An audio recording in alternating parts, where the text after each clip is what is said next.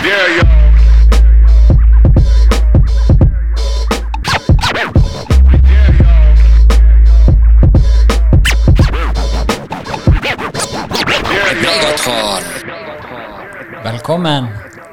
Takk. Bente Josefsson. Send. Sen. Josef Send. Nydelig. Velkommen. Du er jo, eh, sånn som jeg kjenner deg, eller fikk snusen i deg, så var det før du skrev boken 'Frisk uten sukker'. Ja. For da hørte jeg at du drev med Heter det da 'Frisk uten sukker'? Den, eh, det prosjektet ditt, holdt på å si, det med coachingen din og, og hjelpe folk? ja, jeg stemmer. Jeg har selskap etter Frisk uten sukker AS. Mm. Yes. Så, da var vi inne på Du har en bok, eh, 'Frisk uten sukker', som kom ut i januar i år. Januar, eh, ja, i året stemmer. Den er, helt, helt korrekt så heter den 'Sukkeravhengig'. Oh, ja. Bli frisk uten sukker. Ok, yes, nydelig. Og så har du den, eh, det AS-et ditt som du startet med først. Ja, stemmer. Ja. Hva annet gjør du i forbindelse med det? Ja, i, forbindelse, altså, nei, I det selskapet kan jeg si, da, si litt om det, så driver jeg med både mye kurs online. Eh, før covid hadde vi også en del fysiske kurs. Eh, det kommer vi nok tilbake til. Ja. Holder en del foredrag. Eh, og så har jeg også, en podkast, faktisk. Oi, som oi, heter. Sukkerpodden. Det er koselig navn, da. Ja, er det ikke det? Jo. Jeg syns det. Det er et eller annet med sånn sukkertoppen, sukkerpodden. Det er sånne myke, fine ting og gode assosiasjoner. Men det Ja. kan vi komme inn på. Kanskje ikke det er gode assosiasjoner. det kan være, det kan være som mått, men jeg har hørt at sukker til og med kan være litt sånn dating. Men det er ikke en datingpod, altså. ja. det er ikke det. Nei, sant, der har du det. Det var kanskje forgjengeren til Tinder og sånne ting, det. I gamle dager. Hva hvis det? Mm. Var du på sukker.no? Nei, jeg var ikke det. Nei. Men litt om deg, da. Er du fra Oslo? Eh, nei. Altså, jeg er opprinnelig fra Nittedal. Ja. Eh, bor på Harstad, men skal flytte tilbake til Nittedal, faktisk. Så ja. Skal du ja? ja. Mm. Tilbake til røttene? Tilbake til røttene til våren. Ja. Så herlig. ja, det gleder meg til det. Men hvordan, eh, fortell litt om deg sjøl. Hvorfor havnet du der du er i dag? Eh, nei, altså jeg har jo en, eh, jeg har en helsefaglig bakgrunn fra før. Ja. Eh, er bl.a. utdannet friskvernkonsulent. Eh, hvor ja, bl.a. anatomi, fysiologi, ernæring er en del av fagene. Ja. Og så liksom, det med ernæring har alltid fascinert meg mye. Så jeg, jeg studerte ja, ernæring videre etter det, og tatt en del kommunikasjonsstudier. Og er jo liksom ut, vil jo utvikles hele veien. Ja. Men så var det slik at jeg opplevde at selv om jeg hadde veldig mye kunnskap om ernæring, og selvfølgelig var opptatt av å ha en sunn livsstil, Ja. så var det noe med det der sukkeret som gjorde at eh, jeg ikke klarte å begrense inntaket av det. Så jeg spiste på en måte sunn mat, eh, men så hadde jeg en eh, ganske høyt sukkerkonsum på siden, kan du si. ja. Så at dette i sum ikke ble bra. Eh, og eh, da jeg fant ut at jeg, liksom, jeg klarte liksom ikke å regulere et inntak, og det blei bare verre og verre, så kom jeg over kunnskap om sukkeravhengighet, og det var som, som å lese om meg selv. Ja. Så det, wow! Det er det det her handler om, faktisk. Det er grunnen til at jeg ikke klarer å ta av meg litt, da. Som Ja. man alltid snakker om. Det er jo bare å spise litt, og så går det fint. Mhm. Men hva når man ikke klarer å spise bare litt? At man tar én bit, og så er man helt ustoppelig. Som en som er avhengig av alkohol, f.eks. ja. Så, men det jeg da gjorde, var at jeg dro til Sverige for behandling. For det fantes ikke noe tilbud i Norge. ja. Eh, og det endret jo hele mitt liv til det veldig mye bedre. Og etter på en måte å ha levd i det man kaller da tilfriskning, da, Ja. eh, fra denne sukkeravhengigheten en god stund, og fikk erfare hvor godt det gjorde meg, så tenkte jeg at jeg må gjøre noe med det her i Norge. Det går ikke an uh, at ikke det er et tilbud i Norge. Når er, vi vet at ca. en fjerdedel av befolkningen mest sannsynligvis er rammet av det her. Og så Ah. finnes det ingen tilbud for disse. Nei. Så da satte jeg meg på skolebenken, studerte avhengighetsmedisin med spesialisering på sukkeravhengighet, Ja. og startet da Frisk uten sukker AS, som, og vi er de eneste i Norge som er spesialiserte på det her. Så herlig. Ja, jeg syns det. Men når du da skal utdanne deg til dette, skjer det i Norge, eller må du ut i verden for Nei, det? Avhengighets... Fins ikke i Norge. så jeg studerte på en skole i Sverige og har tatt noen tilleggsstudier i USA. Ok. Mm, det har jeg. Er de eh, frem, fremoverlent i USA på, på det samme, eller sukkeravhengigheten? Ja, de ligger veldig langt fremme i forhold til det vi gjør, da. Ja. Absolutt. Ok. Mm. De er jo ofte litt frempå på veldig mye, og så kommer vi litt etter både på godt og vondt. Men det er jo fint at de eh, er litt frempå på noe som er positivt. på de positive tingene, absolutt. ja. Veldig. Ja. Ok, så, men eh, hvor gammel er du nå? Oi, eh, 47 ble jeg plutselig. Ja. Ja, Ja, så deilig. Så nå begynner du å vokse til. ja begynner å fylle sko, er det ikke det de sier? ja, herlig. ja. Men når du fant ut av dette, eller fant ut at Når du ble interessert i ernæring, hva var du så interessert i, eller hvorfor kom den interessen, tror du? Du sa du alltid har vært der, men uh, ja, altså det har jo blitt en så stigende interesse opp gjennom årene. Men det begynte kanskje litt sånn, det er jo lenge siden, men da Fedon Lindberg da, Ja. uh, begynte å snakke om dette med karbohydrater. Ikke sant? Og begynte å pirke liksom borti brødet vårt og poteten og brunost. de tingene og vi elsker. Å, ikke sant? Det norske, ikke sant? Bare, dette er en sånn tradisjon i Norge. Ja. Så testet jeg sånn litt ut, for jeg har alltid vært åpen og nysgjerrig. Ja, og tenkte at ja, okay, jeg kan teste det, ha et kosthold med mindre brød og poteter, disse typisk norske tingene, og opplevde at det gjorde meg godt. Ja. Uh, og det vekte jo da nysgjerrighet. Så jeg har jo egentlig etter det slukt det meste jeg har kommet over om ernæring, egentlig. da. ja. Ja. Så herlig. Ja. Da er det vel mye, mye som utvikler seg hele tiden nå? Eller er vi på stedet hvil? Mm, Ja, nei, jeg opplever at det er en utvikling, og heldigvis for det, faktisk. Jeg er faktisk i en VG, eller artikkel i VG akkurat nå, Oi. som ligger på VG+. Eh, Og den har ligget der så mange dager nå at det betyr at den må ha mange klikker, så at den blitt fjerna for lengst. Så det er litt gøy. Oi. Positivt. Veldig. Men det som er interessant, er jo at i disse artiklene som jeg er i, for jeg er ganske mye i media, så er det alltid uh, andre måte, eksperter som er dratt inn i bildet. Eh, fordi de skal liksom ha flere kilder. Da. Ja. Og det interessante interessant at i denne artikkelen som kom nå, da, så syns jeg at mine motdebattanter plutselig uttrykker seg på en litt annen måte enn de Ah. tidligere har gjort. Langt mer ydmykt, faktisk. Så jeg tenker Ja, det er det, det er noe som er i ferd med å endre seg. Ja. Mm. Og det har jeg eh, tittet på litt òg. For det, det, det er jo det er noe som skjer. Det er bare ikke nødvendigvis på det holdet man kanskje skulle håpe. Når det kom nye sånne næringsretningslinjer og sånne ting. Men det er jo et eller annet som, som foregår, i hvert fall. Og det er jo eh, veldig kjekt.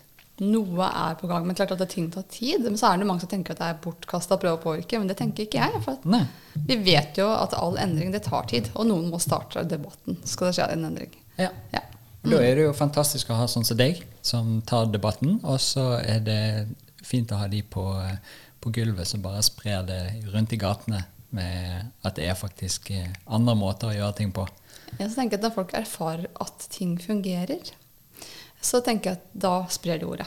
Ja. Og det er klart at det, Ernæring er jo bare én bit av det jeg jobber med. For det er jo liksom bare symptomer på det å ha en sukkeravhengighet. Akkurat som eh, alkohol og næringsmidler ved avhengighet til alkohol. Men det er jo avhengighet man snakker om her. ikke sant? Men Ja. eh, mat er jo i, en del av bildet her. Ja. Så det er klart at det er en del del av debatten. Og klart at det med sukkerinntak det er jo noe som er blitt et problem uansett på samfunnsnivå. da. Det er ikke bare de med sukkeravhengighet dette her er blitt et problem for. Og når vi nå ser at 70% av den norske, be- unnskyld, voksne norske befolkningen har enten overvekt eller fedme, Ja. så er det åpenbart at noe har gått galt. ja. Er det er det noe du ser på Eller hvordan var det du fant ut sjøl at eh, noe måtte endres på? Du nevnte litt dette med at eh, du klarte ikke å stoppe helt. Eller hvordan finner man ut at man er sukkeravhengig, eller at det er en utfordring? Ja, Det typiske det er jo at man, man mister kontrollen. Man spiser sukker. Man tenker man skal ta kanskje litt sjokolade, men man, stopp, man, spiser, i hvert fall alltid opp den plata, Ja. og gjerne litt til. Og så er det sånn at det her utvikler seg over tid hvis man ikke får hjelp. For det er noe med hvordan belønningssenteret responderer på det her. At det er fysisk ombygning av det. Som gjør at man etter hvert får det man kaller toleranseutvikling. Du har sikkert hørt om mennesker som er avhengig av alkohol, som i starten som overdrikker litt, og på slutten så kan de drikke ganske store mengder uten egentlig å bli beruset engang. Ja. Og det samme gjelder det faktisk med sukker, at man spiser større og større mengde. Og da begynner det her å bli eh, både veldig problematisk, men også liksom, man skjønner jo ikke greia. Men altså, ok, Før så overspiste jeg litt, men nå skal jeg spise en kake, og så leite etter en is, og så en pose potetgull, liksom. Ja. Eh, For det gjelder ikke bare sukker, men også andre raske karbohydrater som omdannes til sukker. Da. Så man skjønner etter hvert at det her er det noe som ikke stemmer.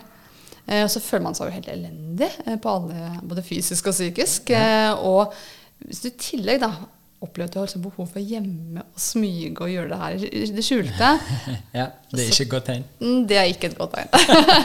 Nei, jeg ser det. ja. Men er, er, er sukker farlig?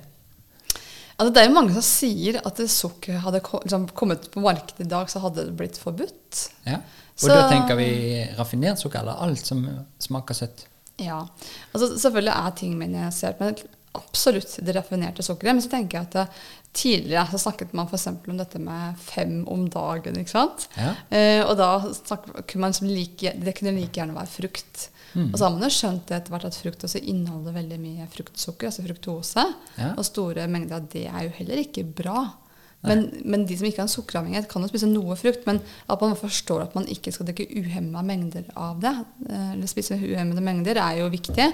Men også det, dette som du også kjenner til, dette med juice, hvor måte, ting blir presset ned, man fjerner fibre. Så sier man at man drikker sukker. Ja. Det er jo aldeles ikke gunstig. Nei. Og juice er jo det interessante med at du fjerner mye av det som egentlig er med i frukten, som du kunne ha vært godt av sammen. Og eh, hvis du drikker Jeg vet ikke hvor mye mange appelsiner skal til for en halv liter med juice, jeg, men oh, ja, du jeg. sikkert slitt litt med å spise så mange appelsiner. Eh, ja, definitivt. Mm. Hva er det som er ugunstig med Det ene er jo en sukkeravhengighet, men hva annet er det med, med sukker som ikke nødvendigvis er bra for oss? Altså, det påvirker jo så, sånn sett egentlig også ulikt fordi vi har forskjellig genetikk og sårbarhet for ulike ting. Eh, Men det vi vet, er jo at når man spiser mye sukker, så påvirker det jo blodsukkeret vårt. Det er jo helt åpenbart. Ja. Og hvis vi stadig spiser sukker og får et høyt blodsukker, så må jo kroppen eh, kompensere med å produsere mer av det hormonet som heter insulin, som skal få blodsukkeret ned igjen. Eh, og det får jo noen konsekvenser i lengden hvis man stadig må produsere mye insulin.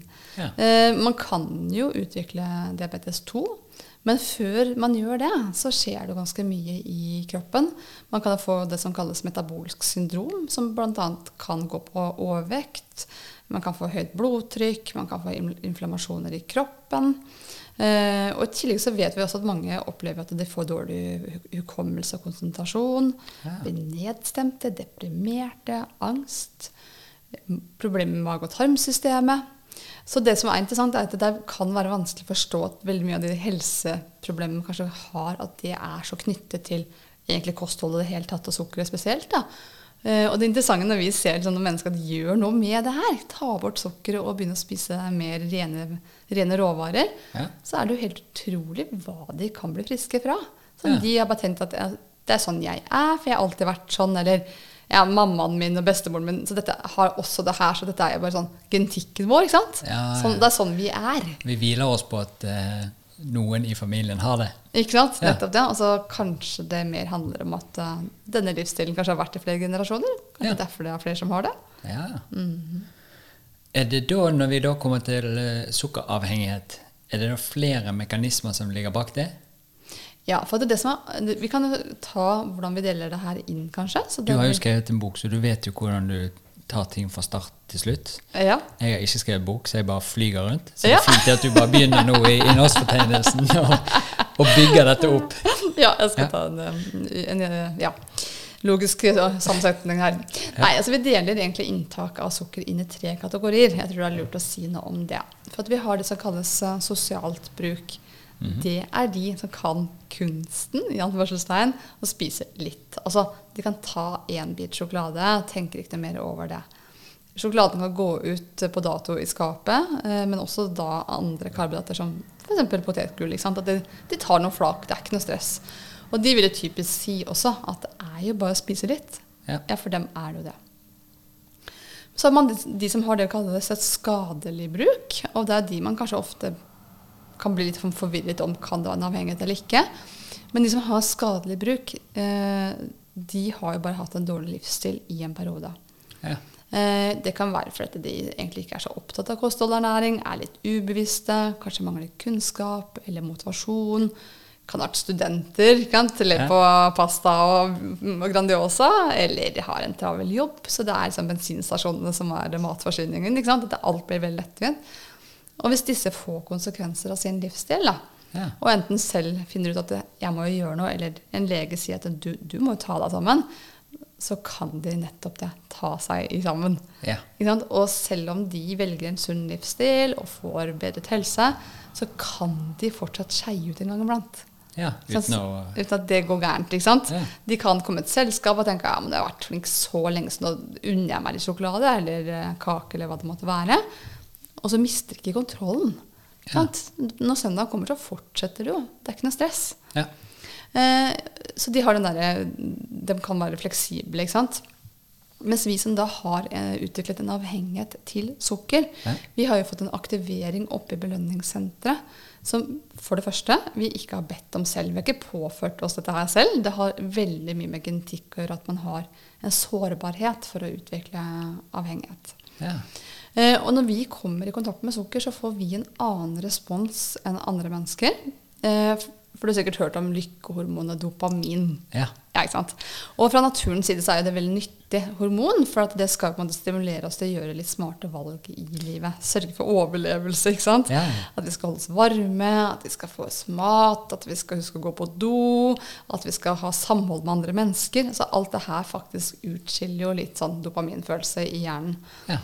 Utfordringen er at i dag så har vi jo en helt annen tilgang til sukker enn vi hadde før. Ja. For urmennesket hadde tilgang til honning en gang iblant, eh, frukt og bær i sesong. De fikk jo ikke det, de mengdene som var nå, så det ble aldri problematisk. Men i dag kan vi svømme i sukker. Og når man da har et belønningssenter som får en sterkere respons på sukker da, enn andre, Ja. eh, så er det slik at da vil jo hjernen søke tilbake til den opplevelsen gang på gang. ja. Eh, og når, når det er etablert en avhengighet, så er rett og slett belønningssenteret aktivert. Og det får man ikke reversert. Å nei. Mm. Så når den er på på, så eh, limes den fast? Ja, Så Ja. det vil si at det, det her kan sammenlignes med en som bare er avhengig av alkohol. Ja. Har du utviklet en avhengighet, så blir ikke kvitt avhengigheten. Nei. Så de kan godt avruses eh, og ha et fantastisk liv, leve i det vi kaller tilfriskning. ja. Men de kan ikke ta seg en øl ti år seinere fordi det er julaften eller det er bursdag. Det fungerer jo ikke. Nei, da er det på'n igjen. Da er det på'n igjen. Og det er fordi det er fysiologisk ombygning av belønningssenteret. Altså vi har sånne mottakerskåler oppe i hjernen som kalles reseptorer, som rett og slett bygges om ved all type avhengighet. Ok. All type avhengighet, er det samme mekanismene bak all type avhengighet? Vet du? Ja, for avhengighet er egentlig en og samme ting. Ok. Ja. Eh, og det interessante er jo at det, i det norske språket så brukes dette begrepet litt eh, vidt. Så det skaper egentlig ganske mye forvirring, selv blant mennesker som er liksom, veldig godt skolerte innen medisin, som ikke har lært om avhengighet spesifikt. For at det, i det engelske språket så har man jo et fantastisk begrep, og det er addiction. ja. Og når man snakker om addiction, så snakker man om sykdommen avhengighet. ikke sant? Ja. Mens når vi snakker om avhengighet i Norge, så kan jo vi si at nå er vi avhengig av at eh, du har huska å slå på lyden. ikke sant? Så så får vi ikke tatt opp det vi skal. Ja. eller at det, man er avhengig av å rekke trikken for å rekke et fly. Eller jeg er avhengig av varme klær om vinteren. Nei, det er jo ikke avhengighet, det er behov vi har. ja. Så vi bruker jo begrepet avhengighet om så utrolig mye. Vi mangler et ord. Vi mangler et ord. Vi har ikke ja. det egne ordet som beskriver addiction på samme måte. Har du funnet opp ord? Nei, det, det er, jakter jeg på. jeg, håper, jeg håper jeg våkner i morgen og bare der, er det! Ja. så, så det skaper forvirring. ikke sant? For at vi, jeg, kan, jeg er så avhengig av den favorittjakka. Ja. Nei, det er du ikke. Du, du er ikke avhengig av den. Du har et behov. ikke sant? Så hadde vi enda hatt et rendyrket ord, så hadde man kanskje skjønt mer alvoret bak begrepet. Ja. Eh, Men tilbake til spørsmålet om det er én og samme ting. Ja, det er det. Ja. For vi har bare ett belønningssenter som kan utvikle avhengighet. Eh, Og vi deler det her inn i to forskjellige kategorier. Ok. Vi har det som kalles eh, prosessrelatert avhengighet, og det som kalles inntaksrelatert avhengighet. Ok. Eh, inntak det kan f.eks. være koffein. Vi sitter jo her med kaffe. Ja. Eh, Jeg prøvde å la være, men jeg tok en likevel. jeg sa ja takk til kaffe. Ja, koppen ble Forresten veldig god. Jo, takk.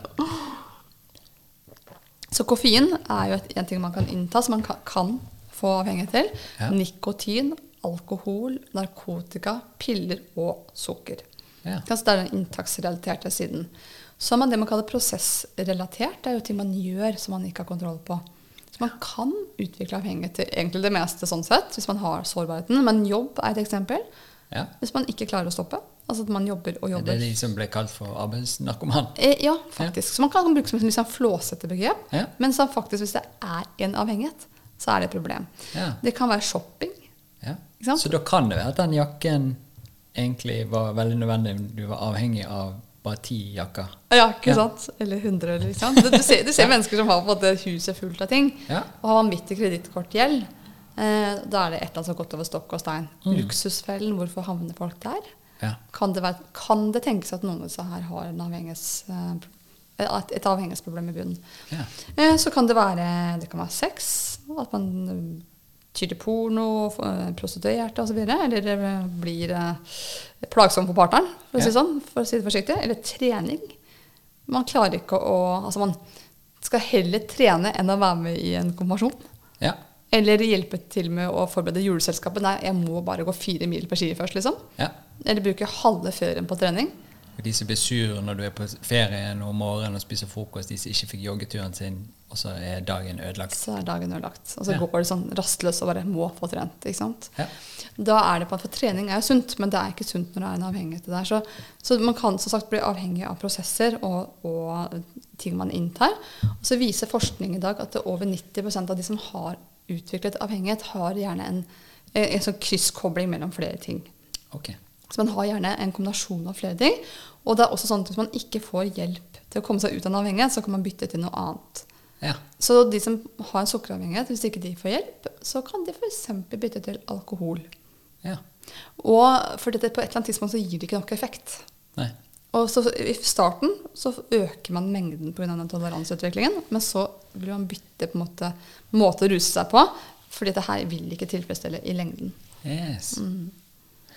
Greit. Er det da litt det samme med narkotika, da, kanskje? Noen som bruker én type narkotika som ikke er så sterkt, og så bygger de seg opp? Det er helt riktig. Eh, Det er, det er det de gjør. De det- får, ja. får den toleranseutviklingen og trenger sterkere og sterkere midler og mikser og trikser utrolig mye ting etter hvert. Ja.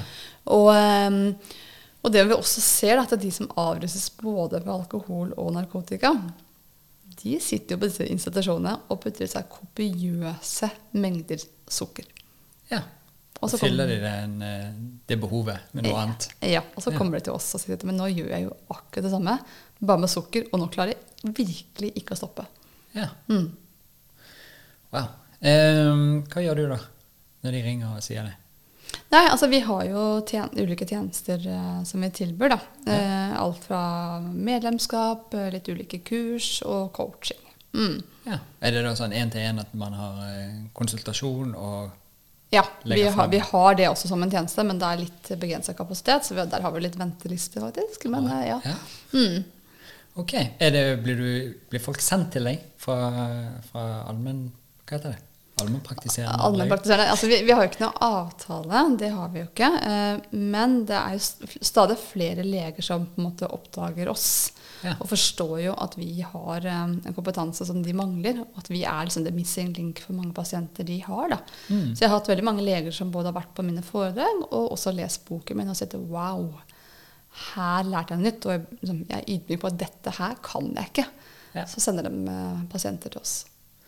For jeg har jo hatt eh, tidligere episoder der vi også har snakket om eh, hvor lite ernæring som er blant eh, eh, Spesielt hos veldig mange fastleger, men eh, legestanden. Eh, og da er det jo veldig sånn på, på egen initiativ at man har lyst til å finne ut noe mer. Og det virker jo også som et pensum som ikke har vært oppdatert veldig mye på veldig lenge. Og at man da får seg en liten sånn ah- aha-opplevelse når man eh, f.eks. går på et foredrag hos deg og ser mekanismer og hvordan ting henger sammen. Absolutt, for det, det som er med disse, disse menneskene, er at de blir ofte symptombehandlet i Ja. helsevesenet. For at symptomene kan være så mange. Altså, alle får heller ikke overvekt, jeg må si noe om det. Og det handler både om at vi har forskjellig genetikk. Alle legger ikke like lett på seg. Ja. Men også for at mange eh, som utfører det vi kaller kompenserende strategier. Da. At man det ene øyeblikket sitter og overspiser masse sukker. Og så må man på en måte kompensere for det. Noen gjør det i form av overtrening. Noen gjør det i form av at de sulter seg i noen dager. Ja. Eh, faste rensekurer, eh, ulike dietter selvfølgelig, men også noen kaster opp. Ja. Så, eh, så, så, det, så disse her kommer til helsevesenet? Eh, og blir, får jo på en måte ikke stilt noen diagnose sukkeravhengighet. De har ikke denne kunnskapen. Men så kommer de da, kanskje med bulimi, anoreksi, eller de kommer med mage- og tarmproblemene sine som de kan få, eller nedstemthet, depresjoner, går til psykolog, blir medisinert, hodepine, migrene altså de, de, Det er symptomene man tar tak i. Ja. Så skjønner man ikke hva, dette, hva det egentlig handler om. ja. Symptomene blir diagnosen. Ja. Ja. Ehm, er det mye med Vi har jo blitt mer Eller det virker i hvert fall sånn. Det kom litt mer bøker og litt mer skriverier rundt tarmhelse og psykisk helse og koblingen der. Hva er det vi ser der? Hva er det som foregår? Nei, altså Det man ser i dag, er at man snakker om at det, altså, tarmene er på en måte vår hjerne nummer to. Ja. Eh, og at det, den, den tarmfloraen, kulturen man har, da, hvor stor grad den faktisk påvirker vår psykiske helse. Ja. Eh, og også blant annet, altså, For det er jo der mange av våre hormoner produseres. Og mennesker med søvnvansker, f.eks. Altså, serotonin produseres jo i magen. Melatonin osv. Altså, alt det her henger jo sammen. Ja. Så er det på en måte ubalanse i mage- og tarmsystemet, så påvirker det jo hjernen vår. Ja. Og det gir jo egentlig mening, for alt henger jo egentlig sammen. Alt og det ser jo kanskje vi begynner å få litt mer øyne opp for at eh, det ikke bare er noe én ting, men det er mindre mekanisk, men mer sammensatt, kanskje. Absolutt. Ja. Hva, de som kjøper boken din, hva lærer de i den? Nei, altså Den er delt inn i flere deler. så Den første delen handler om sukker generelt, altså hva det gjør med helsen vår. Ja. Som skal være, forhåpentligvis være motiverende for alle. Skjønne hva er egentlig dette hvite stoffet. Er det liksom noe helt uskyldig vi bare kan kose oss helt fritt frem med, eller er det noe vi bør være klar over? Og, hvor er, og hvor er sukkeret? Hvor finner man det? Eh, så er det en del som handler om avhengighet generelt. Så alle som på en måte er rammet av en eller annen type avhengighet, eller har familiemedlemmer osv., eh, vil få veldig nytte av den delen. Og så er det en del som handler om sukkeravhengighet spesielt. Ja. Eh, og så er det det vi kaller FUS-metoden. Det er liksom hvordan, hvordan man kommer seg ut av avhengighet. Og det også er nyttig for alle typer avhengigheter. For det er nemlig slik at eh, har man også andre former for avhengighet, som f.eks. alkohol og narkotika, så kan man stabilisere den tilfredsstillingen og øke sannsynligheten for å ikke få tilbakefall ved å også ta tak i bl.a. kostholdet. Ja. Eh, og så er det 40 fantastiske oppskrifter som er nyttige for alle som ønsker eh, Altså ønsker bare god mat. Der har du en grunn i, seg. Ja, ønsker du mat uten sukker, uten gluten, eh, med naturlige råvarer, så er det, ja, er det boken for deg. ja. Gluten. Eh, det er jo også litt i vinden. Eh, mange som ikke tåler gluten, og mange som ikke blir trodd når de sier de ikke tåler gluten. Og så er det veldig mange som ikke spiser gluten, men kanskje kunne spist gluten man er litt forvirret. Hva er dette for noe? Altså, dette, det er jo en veldig interessant diskusjon. Eh, For her, dette her rammer jo flere ting, tenker jeg. Ikke sant? For Ja. det er nettopp det du sier, at det, mange tenker at de ikke tåler det, og så blir de ikke trodd engang. Ikke tenker jeg at Det er jo noe med å ta folks opplevelse på alvor også. Ja. Når, hvis en sier at jo, jeg har gått rundt med vondt i magen, oppblåst mage i 20 år, jeg kutta gluten, nå er jeg bra, Ja. så er jo det sant for den personen. Absolutt. Ja. Så tenker jeg at det, gluten har jo ikke heller noe som vi må ha. Det er jo ikke noe essensielt næringsstoff i gluten som tilsier at det er så viktig å holde på det her heller. Nei. Og så sies det i hvert fall at det i dag er ca. 50 ganger så mye gluten i melet som det det var tidligere. Ah, for det er mel det Ja. kommer fra. Det er mel primært det kommer fra. Og da er det jo kanskje ikke så rart da, at det er flere som reagerer på det nå enn det gjorde den gang da. Det var, var en femtedel Femtiendedel, blir det Ja. ikke femtedel, men Og ikke femtiendedel. begynn med sånne mattestykker. Mye mindre. Ja, mye mindre. Ja. Vesentlig mye mindre Ja. enn det det er nå. Sant? Det, det, er- det jo kanskje ikke så rart da, at det er flere reagerer på det. Og det er fordi at det hever annet mye fortere ikke sant? når det er mer gluten. Så dette, alt handler om penger. Ting blir mer fluffy. Fluffy. Ja. Og går raskere. Så man får ned produksjonstiden på bakvarer ved å tilsette mer gluten. Ja. For jeg har jo lest om folk som reiser lenger sør i Europa, og så reagerer ikke de så mye på pasta og brødmat lenger. Og så så jeg det at eh, vi bor jo i et, en del av verden der det er mye vinter. Ja. Og vi har kortere sånn periode der vi kan eh, dyrke ting.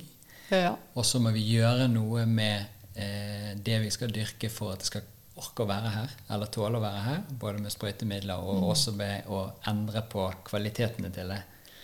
Vet du noe om det? Er det noe derfor kanskje vi har også mer gluten, at vi tuller med ting?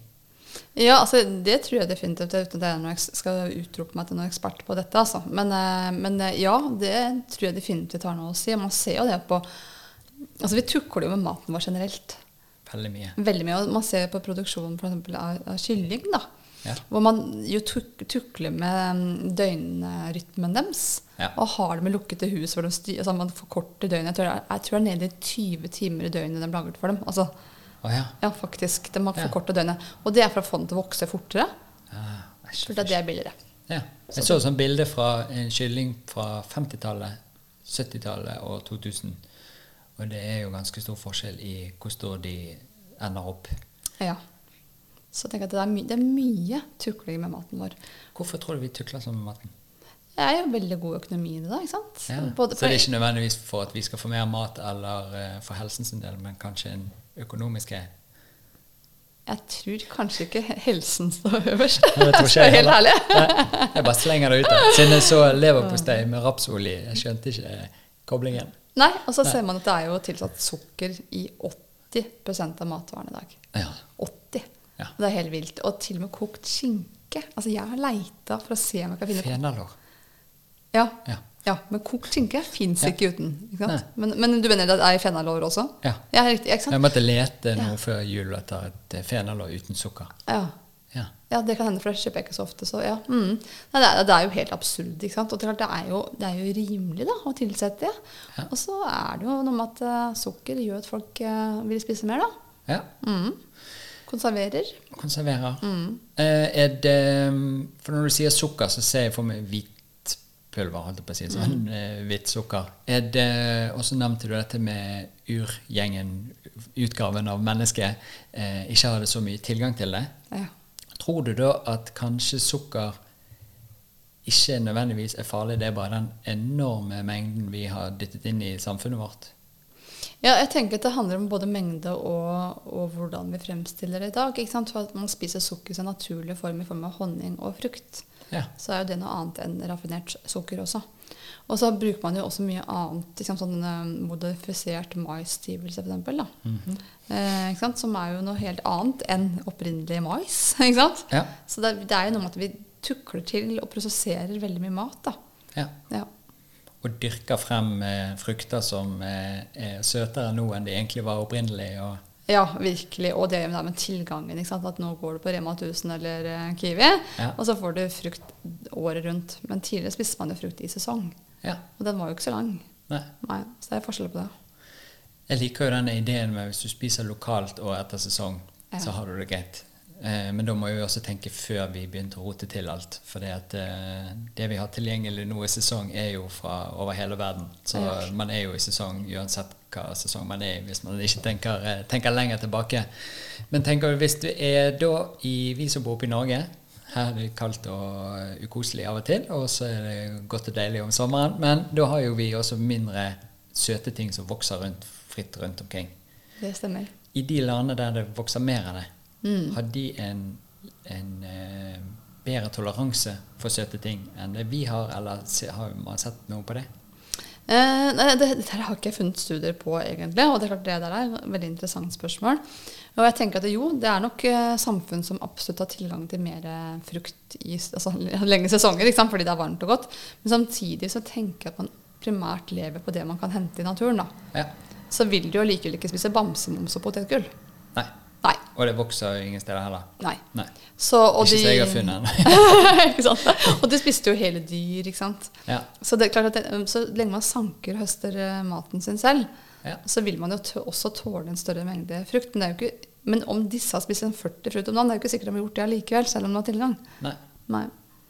Greit. For nå bare, det var så mange spørsmål som dukket opp i hodet. Ja, ja, ja, kom igjen. Er Erlend? jeg kan svare og ikke. Ja, men det er veldig fint. Og så har vi en avtale på at du sparker leggen når vi går inn på et eller annet som ikke er greit. Så det er jo veldig fint. Dere har ikke hørt au ennå. Jeg tåler mye. Jeg leggbeskytter på. Men eh, det er jo også dette med, som ser ut som kan være en utfordring, er jo dette med prosessert og ultraprosessert mat. Ser vi det at kan det være en sammenheng at sukker er en del av det, men også at ultraprosessert og prosessert mat er egentlig en avhengighetsskapende greie, eller en helseutfordring på noen måte? Ja, definitivt. Og der kommer det mye spennende nå som man faktisk bør følge med på. For i ernæringsmiljøet så har man snakket altfor lenge om kalorier. Yes. Kalorimodell. Ja, kalorimodell. sant? Ja. Så lenge du holder deg innenfor et visst antall kalorier, og man sammenligner det ene mot det andre, så lenge det har likt antall kalorier. Men man har snakket svært lite om kvaliteten på det vi spiser. Ja. Og klart at vi mennesker sant? vi er jo designa for å spise det man kan hente i naturen. Ja. Og ultraprosessert har man jo aldri kunnet drikke frem. Nei. Heldigvis. Ja. Eh, så, og det er jo studier som nå viser også at man har testet ut og sette mennesker på naturlige råvarer versus ultraprosessert. Og de har spist like mange kalorier. ikke Ja. sant? Så, ja. Og da har det vist seg at de som har spist denne ultraprosesserte maten, både har lagt på seg, men også fått utviklet en del eh, andre helseutfordringer som de som syns naturlig mat, ikke får. Ja. Mm. Så der kommer det studier nå også, og heldigvis. Ja. Mm. For jeg ser jo også gjennom eh, klinisk praksis at det dukker opp eh, flere og flere som eh, ut ifra det de har funnet ut, spiser veldig sunt. Så de spiser f.eks. ikke noe mer kjøtt, de spiser ikke sånn og sånn, men spiser mye eh, plantebasert mat. Og da syns jeg det er litt interessant, for vi ser symptomer på noe som ikke nødvendigvis er gunstig.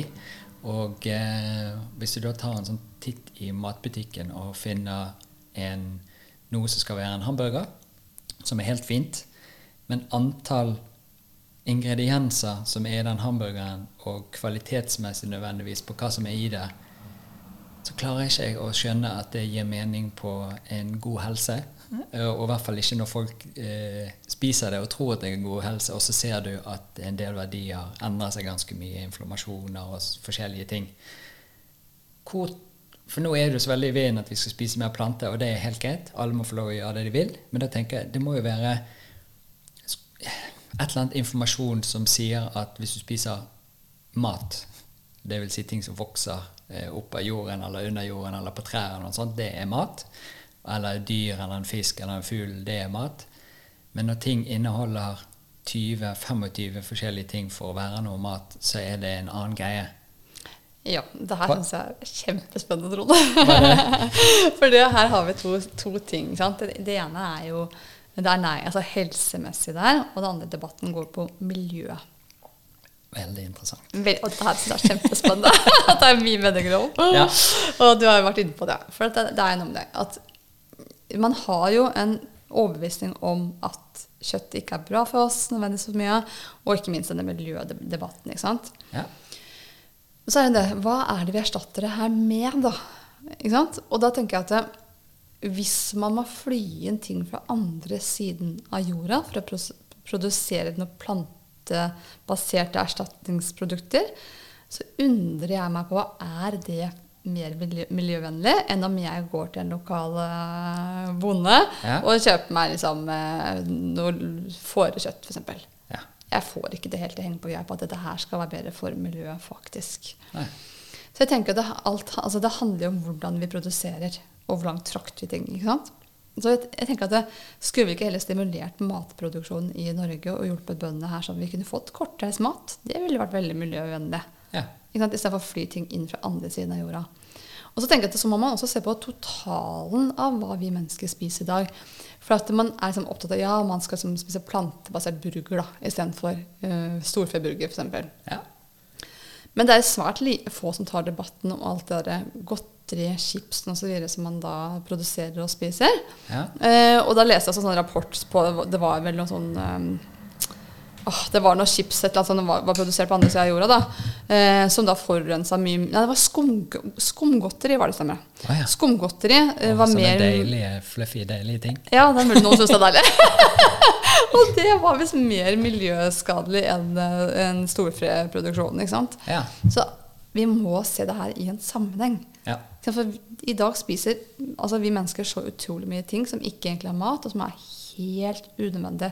Hvis du går i en dagligvarebutikk i dag, så se hvor mye er det ikke som står metervis på metervis på metervis, som egentlig bare er helseskadelig og helt unødvendig, som kjeks, potetgull, sjokolade altså Det produseres altså så mye at man fjerna alt det her og bare spist mat så tror jeg man hadde kommet langt i miljøspørsmålet, faktisk. Ja. Eh, og det her med ultraprosessert, uansett er ikke bra for helsa. Og som du sier, når du har en vegetabilsk bruger da, med 40 ting i, ikke sant? Eh, versus en ren storfe eller hva det måtte være, bruger med én eller to ting i. Så vet vi også det at eh, de plantebaserte inneholder ofte veldig mye omega-6. Ja. Så man får jo ofte en ubalanse også på fettsyrebalansen i kroppen, som jo også driver inflammasjoner. Ja. Dette er jo et helt gigantisk eh, tema, men eh, jeg tenker av og til eh, Når man spiser på en, en eller annen spesiell måte For vi liker å kalle ting noe. Alt skal være en eller annen type diett, eller jeg spiser på den måten. eller sånn. Så veldig mange som spiser på en eller annen spesiell måte, så liker jeg alltid bare å tenke hvorfor spiser du sånn? Altså, hva er grunnen? Er det en helsemessig greie? Er det en miljømessig greie? Eller er det eh, idealistisk eh, grunn til at du gjør det? Um, og veldig mange har alle tre. Og så kan man da eh, snakke om de forskjellige aspektene, bl.a. dette som du sier med Hvis du ser på grønnsakene som jeg kan kjøpe nede i butikkene her på, på Løkka, så er jo veldig mye av grønnsakene fra Nederland og Chile og Spania, og, og det samme med frukten. Eh, og så har vi litt sånne private eh, typer som har gått sammen og gjort noe bra og startet Reko-ringen og gjør sånn at man har tilgang på lokal mat og sånne ting som ikke man får til like bra i en matbutikk. Sikkert fordi at det er en profittgreie der som ikke funker helt, eller at denne uken, eller vi skal alltid ha, ha muligheten til å kjøpe agurk, selv om det ikke agurken er klar ennå, for eksempel. Eh, men så er det også hva er den helsemessige greien. For jeg kan jo tenke, men Vi er jo forskjellige litt grann også, så det kan jo være noen som skulle spist mer av det for å ha det bra, og noen som skulle spist mer av det for å ha det bra. Eh, men så er vi veldig lett for, tror jeg, også bare velge et lag, og så spiser vi det hele laget spiser, også fordi at det skal være sunt, eller at det skal være bra for noe. Og jeg så litt på dette her med eh, havremelk og mandelmelk, og hvordan produksjonene på de tingene er, og eh, det fotavtrykket det er. Og når man da skal eh, drikke mer av det for å ta vare på naturen, for at vi skal ha mindre dyr og sånne ting, så går på en måte ikke det regnestykket helt opp heller.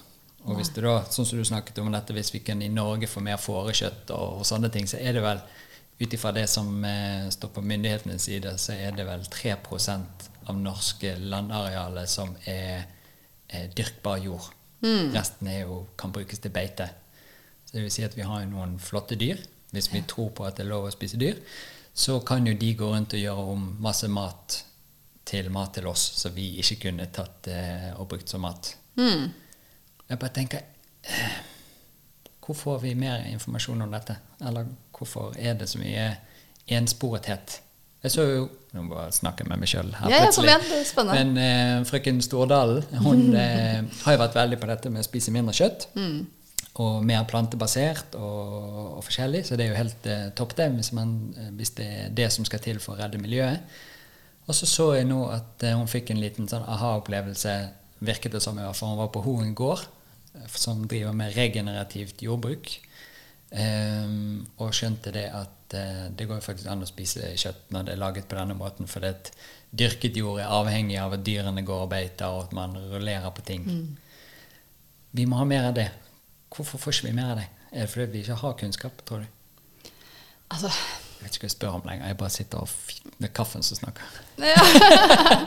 Nei, Man kan jo lure på hvor kommer tinget fra. Men altså, vi mennesker vi er jo på, virkelige, Det skal vi ikke undervurdere. Um, som en morsom digresjon så har jeg faktisk jobbet i Coca-Cola i sin tid. Har du? Oi! Fikk du sånne eh, colakjøleskap og så masse sånne gøye ting, da? Altså, hele huset var jo reklameplakat for Coca-Cola etter slutt. Oi, oi, oi. Det altså alt. Bilen, klærne, altså bager. Ja. Så det har vært en jobb å rydde dette ut igjen. Ok. ja. Ja. Nei, Men det er det gøye med cola, da. Det er jo alle tingene. Og julenissen. Ja, ja. Altså, det, altså, jeg var ung, jeg var ung, og jeg fikk en fantastisk arbeidserfaring. Altså, det var jo eventer som var altså, det var, altså, Jeg var på et event på Postgirobygget hvor som, eh, du vet den gang da, så var Sissy Cowboys veldig store. Ja, ja. Når de dansa på bordet. Altså, men ja, det, det var, jeg fikk noen opplevelser som var veldig morsomme. Ok, før du går videre. Ja. Hva var det du gjorde for Coca-Cola? ja, dette er ganske interessant. Uff, det får jeg nesten litt dårlig samvittighet. Nei, jeg eh, var eh, Space Management Manager. Eh, litt kryptisk eh, tittel, men det handler om, og det her har jeg lært mye av, Ja. det handler om hvordan man plasserer uh, varer i butikken for maks profitt. Hvor man da studerer uh, hvordan kunder uh, går i en butikk, hvor blikket havner, hvor altså høyder eh, ja. Eh, og avtaleverk mot eh, de ulike dagligvarebutikkene. sant? For eh, det er ingenting som er tilfeldig hvordan det er plassert i butikk. Så vi sa de har optimalisert det her, da. For å selvfølgelig øke profitten. Så, nei, så det gjorde jeg, og da lærte jeg jo selvfølgelig mye om, om markedsføring. Ja. Og hvordan, hvordan de tenk, tenker, liksom. Ja. Og da husker de, de hadde jo et eksempel, hvor de hadde, og dette er jo egentlig ganske kjent, så mange har sikkert hørt om det, men bare for å si noe om at vi blir påvirket enten vi vil eller ikke. Hvor de hadde jo for mange mange år siden en sånn et, et, ja, De gjorde et forsøk da, hvor de, da man hadde sånn gammeldags filmrull på kino. Ja. så hadde man erstattet ett sånn bilde på en sånn filmrull med reklame. Ja, Ja. med reklame Coca-Cola. Og, og det gikk så fort at folk klarte jo ikke å se det bevisst. Men de sjekket da når de gikk ut av kinosalen, om flere av de kjøpte da Coca-Cola i etterkant. Og det gjorde de. Jeg husker ikke akkurat tallene, men det var sånn helt åpenbart stor forskjell. Ja.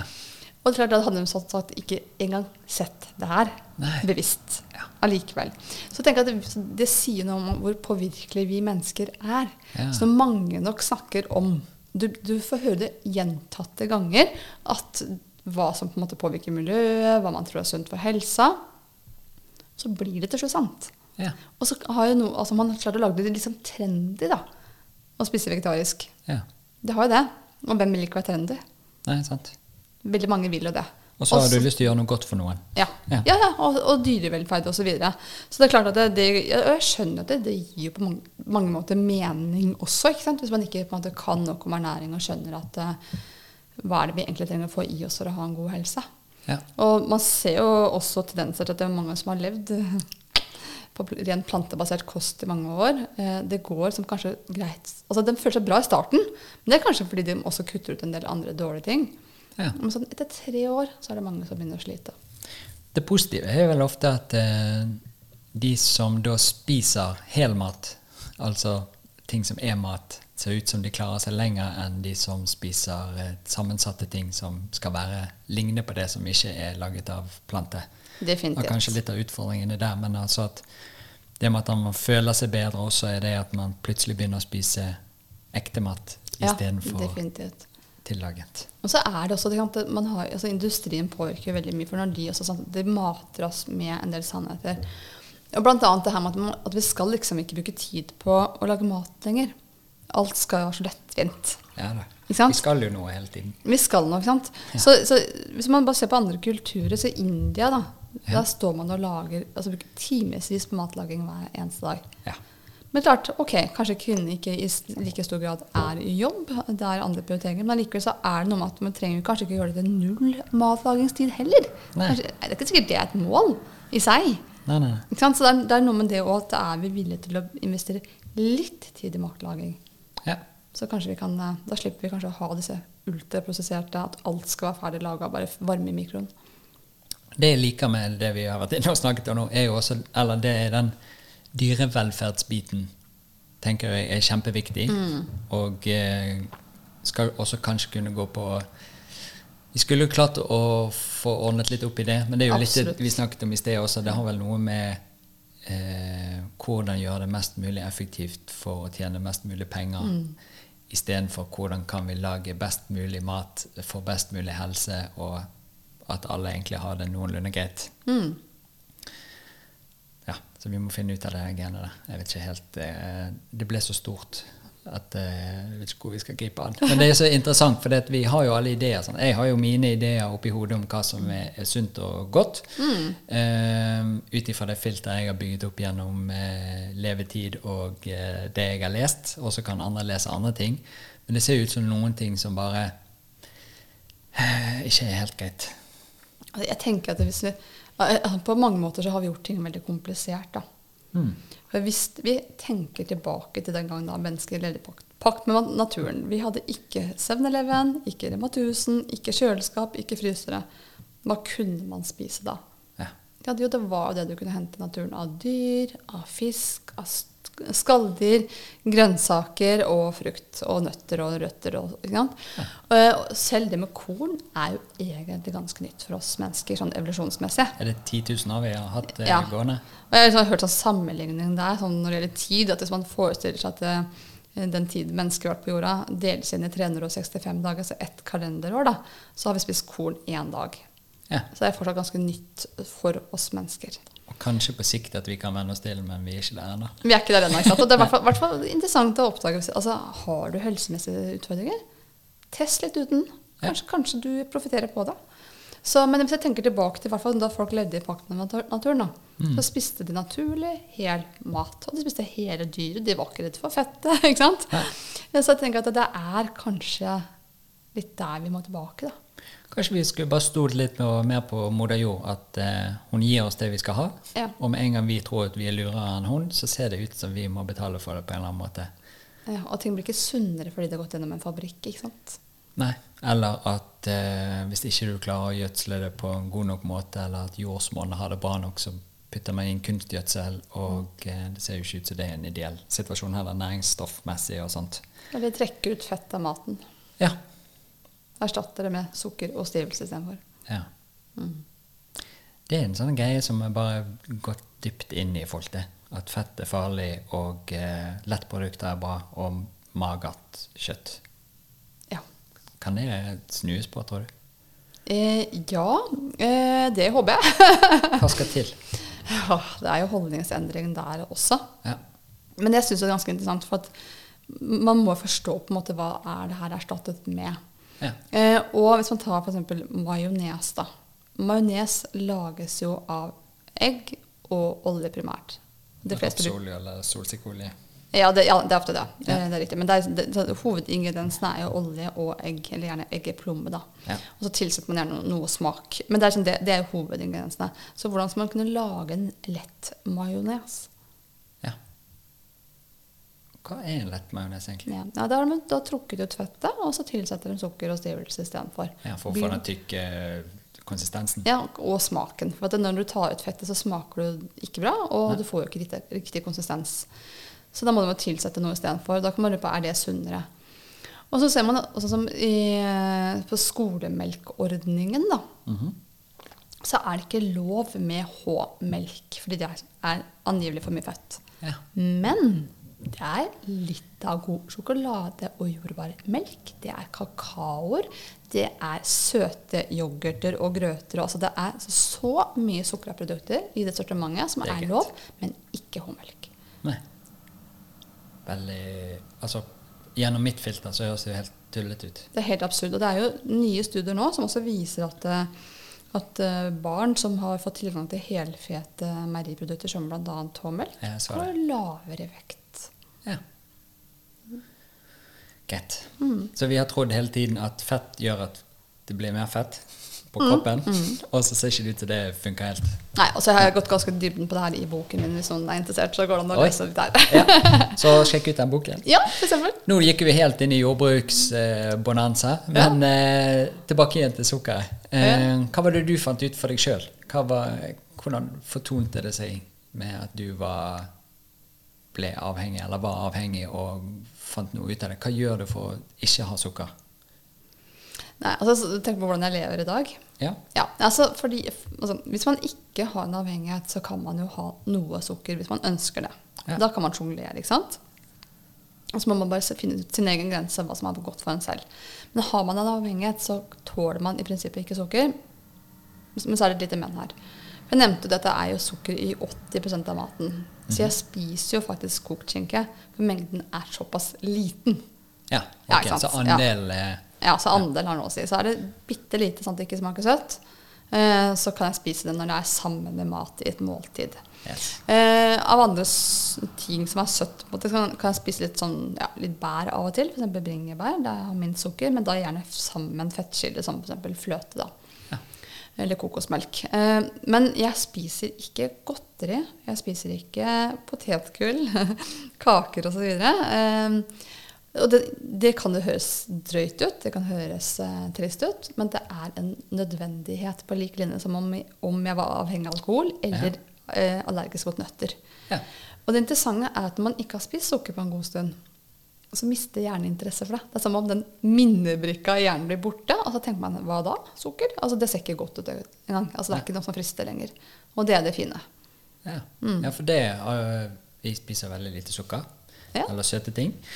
Eh, men jeg merker også det at paletten, smakspaletten endrer seg. Så Mm. hvis du da spiser en gulrot plutselig, så smaker den veldig søtt. Eh, og hvis du spiser en løk, så smaker den til og med søtt. Ja. Så det er jo noe der også som kanskje som skjer at eh, man endrer også en palett på hva, man, hva smaker man klarer å plukke opp, og at eh, det at man har overspist noe, har pushet noe litt i feil retning, og så vil bare ha noe som smaker sterkere og sterkere.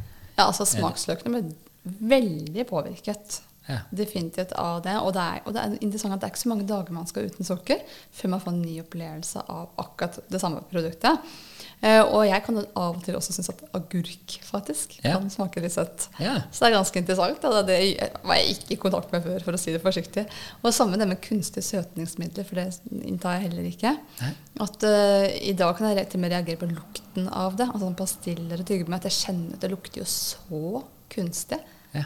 Så det er så mye man kan bli vant til, men som også kan bli avlært fra.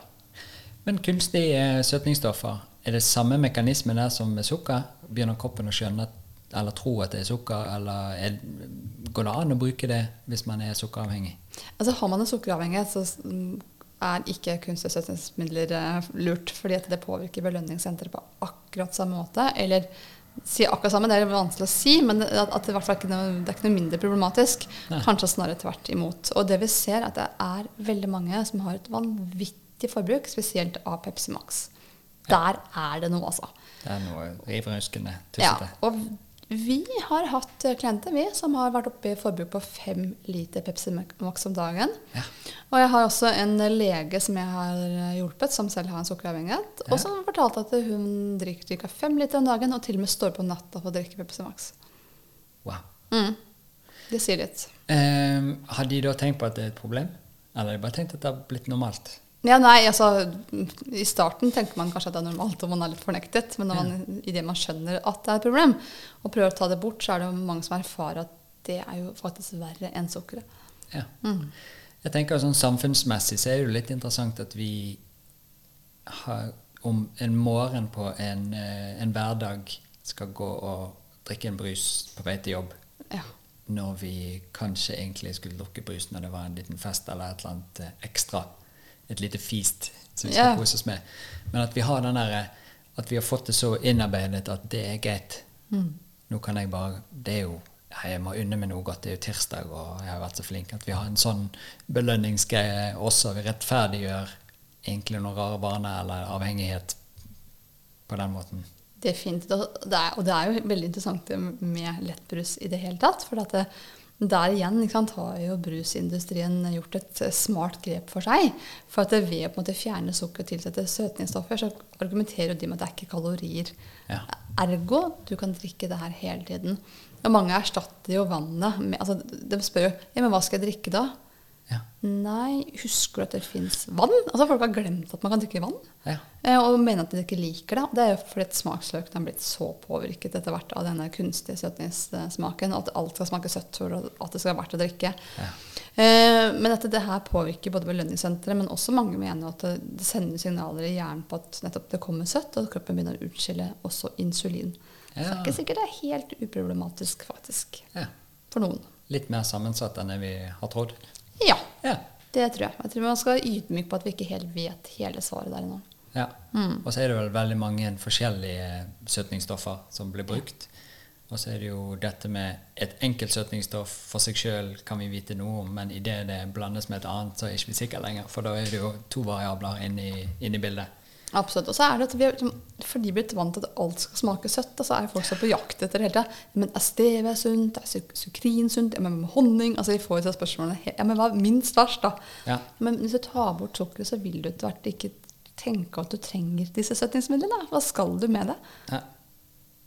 ja, det er spennende. Mm. For vi merker jo også det når vi av og til bruker litt eh, eh, sånn søtningserstatning eller sukrin eller stevia og sånne ting, så er det lett for å øke dosen litt eh, neste gang. Og så har du litt lyst på noe som smaker litt søtt eh, dagen etterpå, så spiser du litt mer nøtter, og så er festen i gang. Ja. Så kjenner den der hvor lett det er når du bare Er det avhengighet, eller er det bare fordi man syns det er godt? Er jeg avhengig? Hvordan kan du se det? Det var faktisk fint du spurte, Trond. Ja. For det har vi ikke kommet innom. Nei. Altså, vi har uh, Det er derfor du er her i dag. Jeg skal finne ut mest om meg sjøl. Bør jeg være bekymret? Nei, altså det du beskriver der, tenker jeg er avhengighet. Men det, det, det kan for å svare ordentlig på dette, så har vi litt kartleggings... Altså vi har noen kartleggingsverktøy. Vi har det vi kaller en screening, som er bare en sånn sannsynliggjøring på om det kan være avhengighet, som består av seks spørsmål. Og den finner man på hjemmesiden vår friskutensukker.no. Okay. Seks spørsmål, ja nei. Det er en sannsynliggjøring. Men så, hvis man ønsker å vite dette på ordentlig, Ja. så har vi et verktøy som heter Sugar, som jeg er sertifisert i. Okay. Som er en sånn diagnostisk bedømming, en vurdering, på om det her handler om en sukkeravhengighet. Men da tar vi også for oss flere, eh, ja, flere avhengigheter samtidig, faktisk. Og da får man et ordentlig svar og ser det her i et livsløpsperspektiv, faktisk. Ja. Som er veldig interessant. Det gir veldig innsikter. Da ser man på en måte mønster tilbake til barndommen og hvordan ting samhandler. og Ja. Har det dukket opp noe alkohol? Har du hatt noen kompenserende strategier? Se at ting kan kanskje ha forverret seg da du mistet en jobb, eller da du ble gravid. eller at Man ser hvordan ting henger sammen, og det gir veldig innsikter. Er det litt den mekanismen du ser når noen eh, kjærlighetsforholdet gikk i dass, og så har man en sånn lita spann med is? Er det for å få oss opp igjen og bli glad igjen? Er det den mekanismen igjen? Ja, altså hvis du, ikke, hvis du ikke har en sukkeravhengighet, så kan du fortsatt liksom si trøstespise litt, for det gir jo litt sånn dopaminutskillelse også hos de som ikke har en avhengighet. Absolutt. Så det er, den klisjeen eksisterer jo i aller høyeste grad.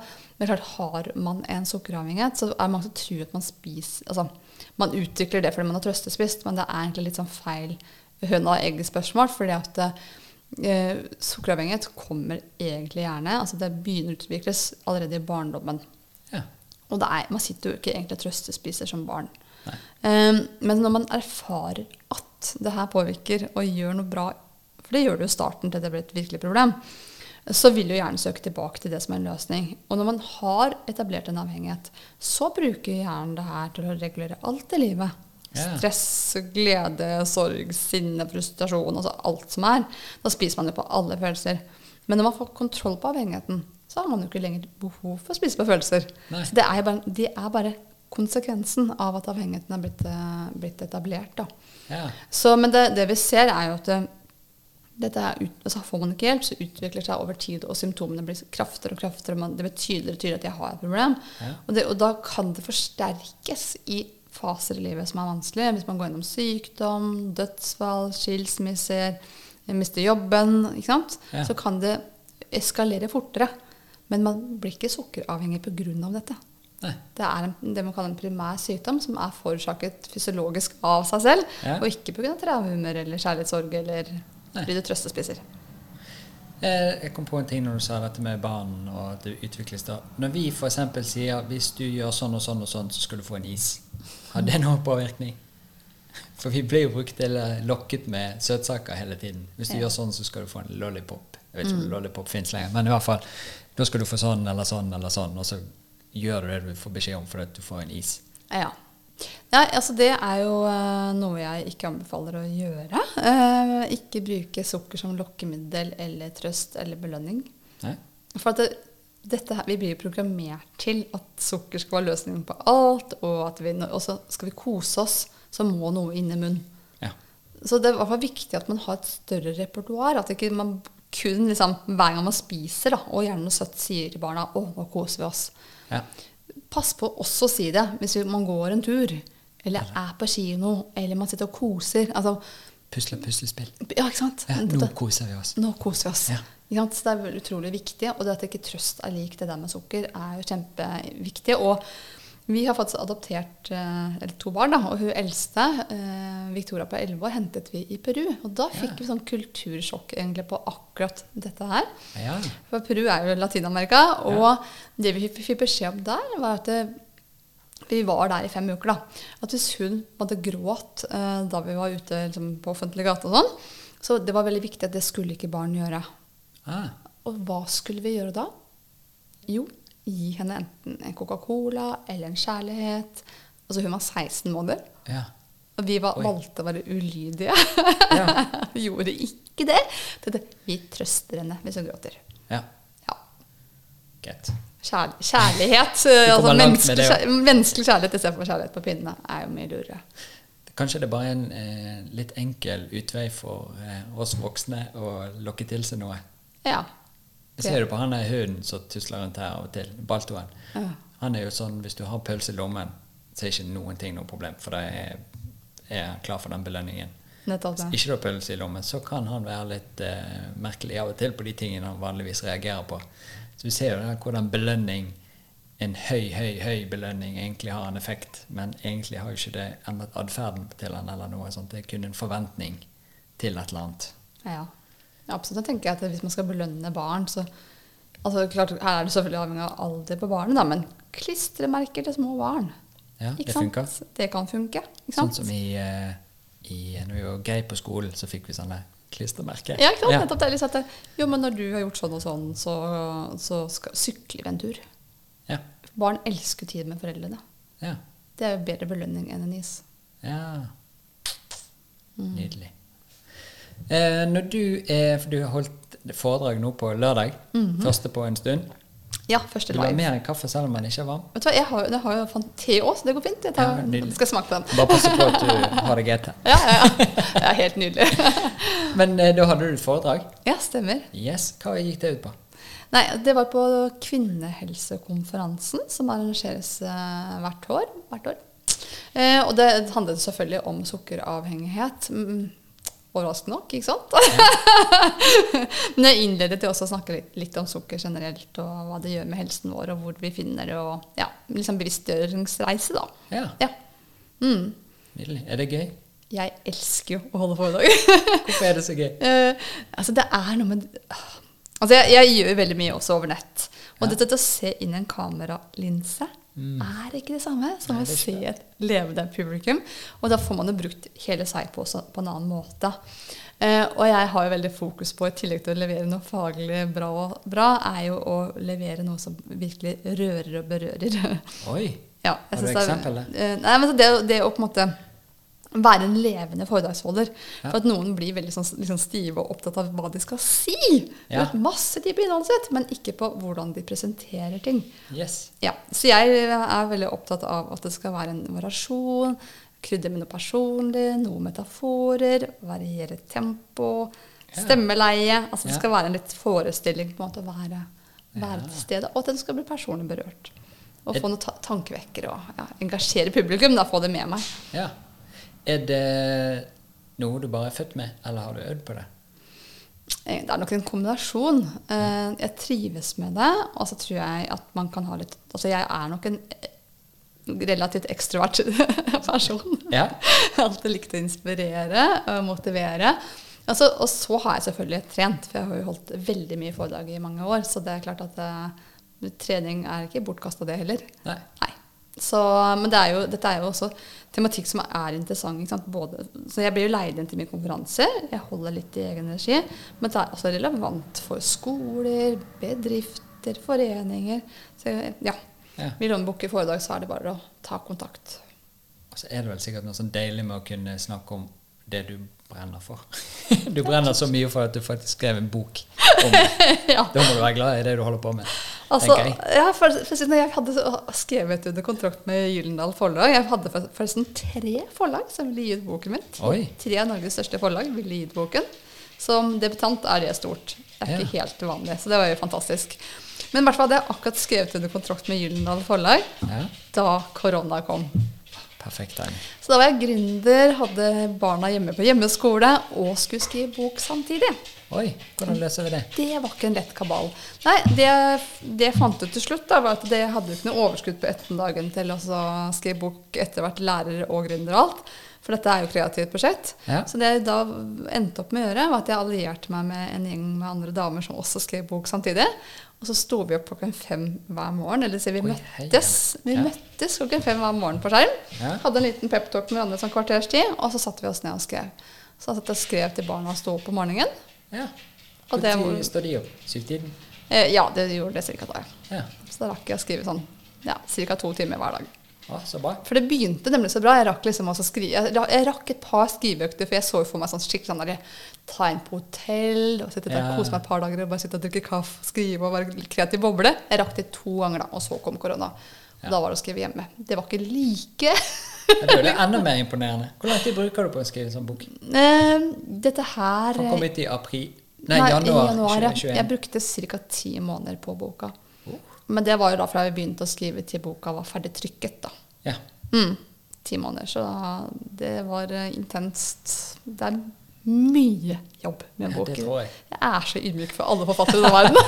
ja, jeg òg. Jeg var eh, helt fascinerende. Altså, det er jo Jeg syns jo det er sånn passelig tungt å bare lese bøker, men når du i tillegg skriver dem, så er det jo helt fantastisk. ja, så tenker jeg at Når jeg leser bøker nå, så leser jeg det på en annen måte. For jeg skjønner at det som står her nå, Ja. det er jobbet så mye med, og ingenting er tilfeldig. Ja. Altså, Den teksten er bearbeida tusen ganger. Men du, har- du har to barn. ja. Er det flere som bor hjemme hos deg? Eh, ja, det, altså eh, Ja, jeg har en mann også. Ja. Og en Mm. katt? En katt. Ja. Ja, en katt og en mann. Ja. Han mannen eh, er han glad for det du holder på med? Har Eh, det hjulpet han? eh, ja, altså han er jo veldig Han støtter jo prosjektet mitt, absolutt. Det, Ja. det gjør han jo, og syns jo at det jeg gjør er veldig viktig å se at jeg fyller jo et, en funksjon i samfunnet som ingen andre har gjort. Ja. Så det er jo veldig veldig bra. Og så er det jo på en måte hele familien uh, profitterer jo på det jeg gjør med den kunnskapen jeg har. Altså vi, det er ikke sånn at vårt hus er 100 sukkerfritt, liksom.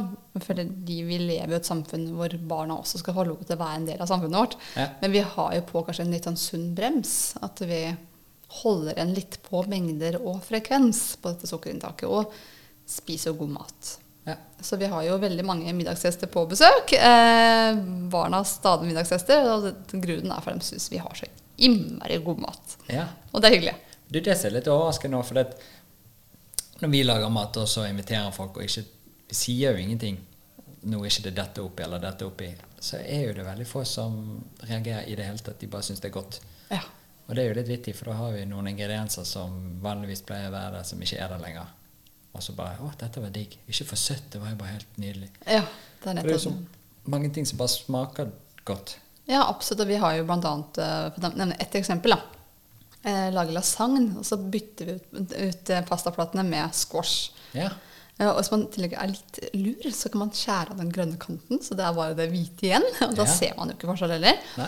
Og vi har hatt så mange middagsgjester som ikke har tenkt over det, annet enn at den bare Å, denne var veldig god, så, så saftig.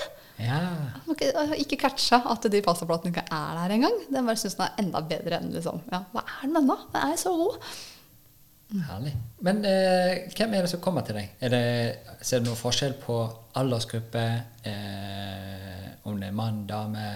Er det noen faser i livet? Eller hva er, du hva er hovedgjengen din? Ja, for nå tenker du selskap og ikke hjemme, ikke sant? Nei, nå tenker jeg i selskapet Ja, ja, ikke sant? Ja. Eh, jo, nei, altså det, jo, det ser vi absolutt. Eh, det er ca. 90% kvinner og 10% menn.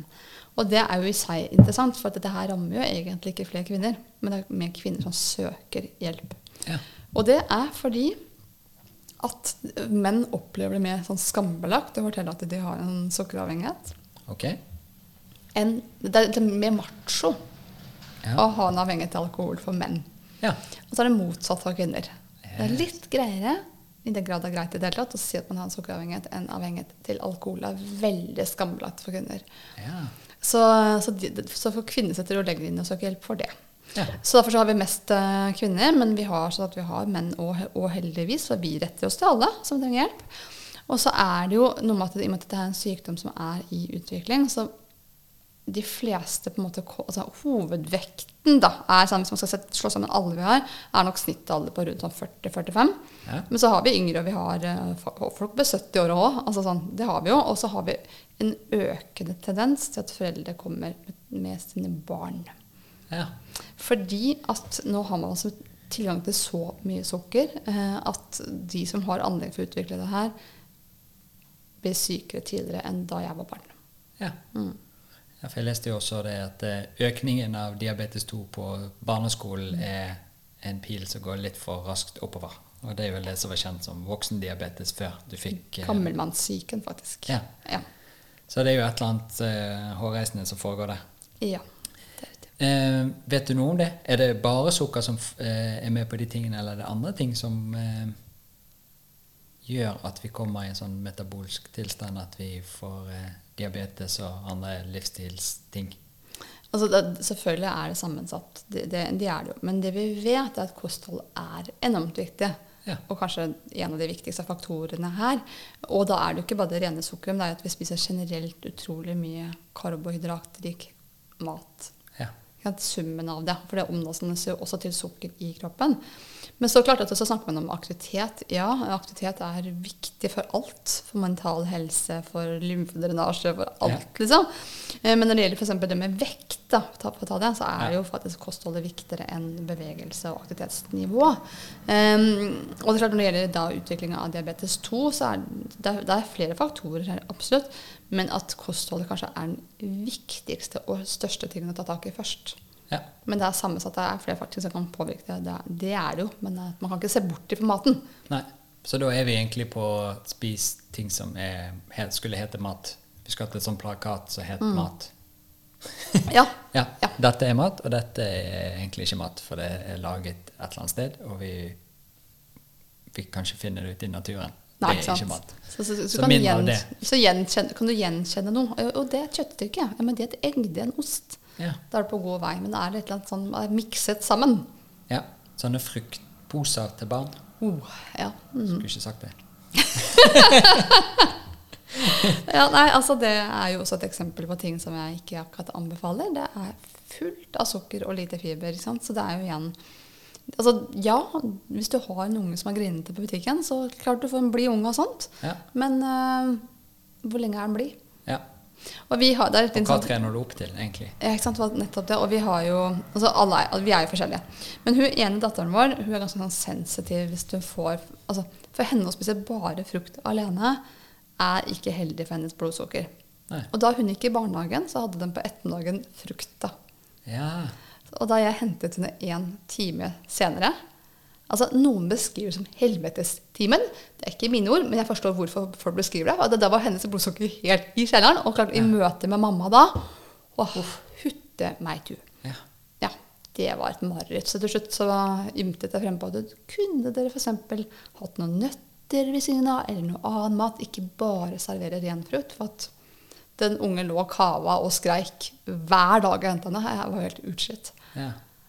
Eh, Når vi kommer til sukker, da, sånn energimessig, så For det, det som du forteller nå, det påvirker eh, lett blodsukkeret. Så det vil si at blodsukkeret stiger, og så daler det på et eller annet tidspunkt. Ja.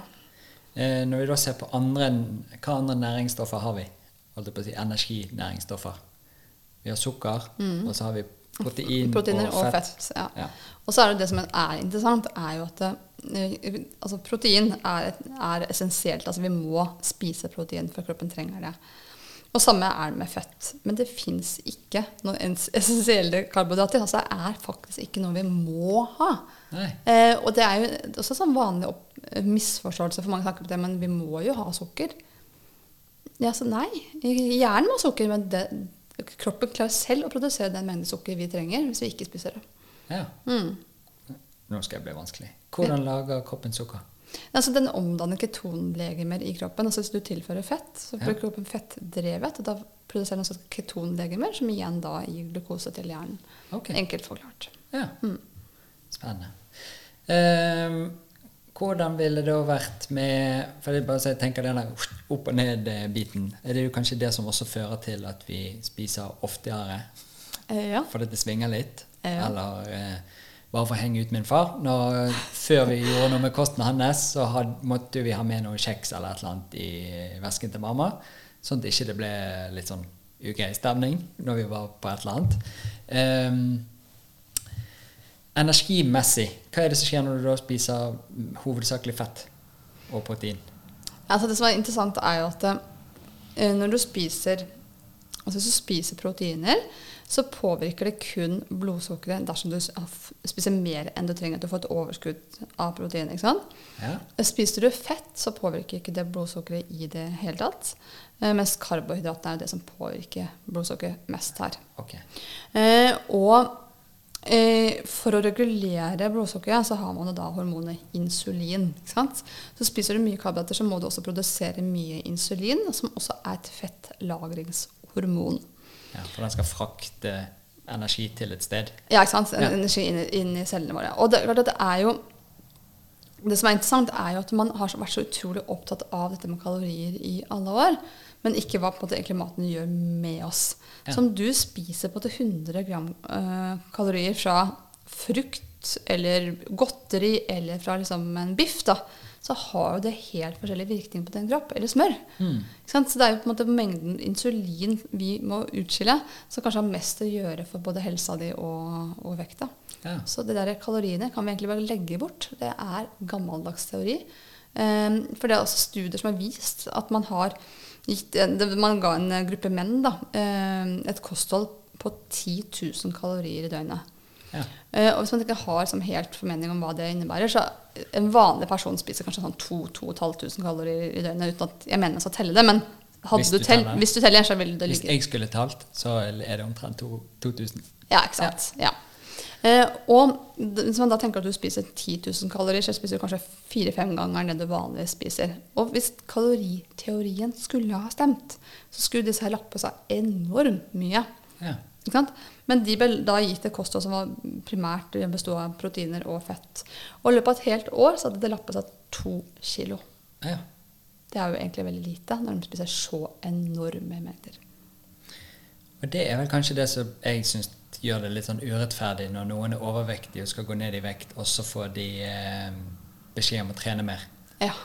Spise mindre og trene mer. Ja. Som også er helt utopisk, for trener du mer, så blir du gjerne mer sulten også. ja.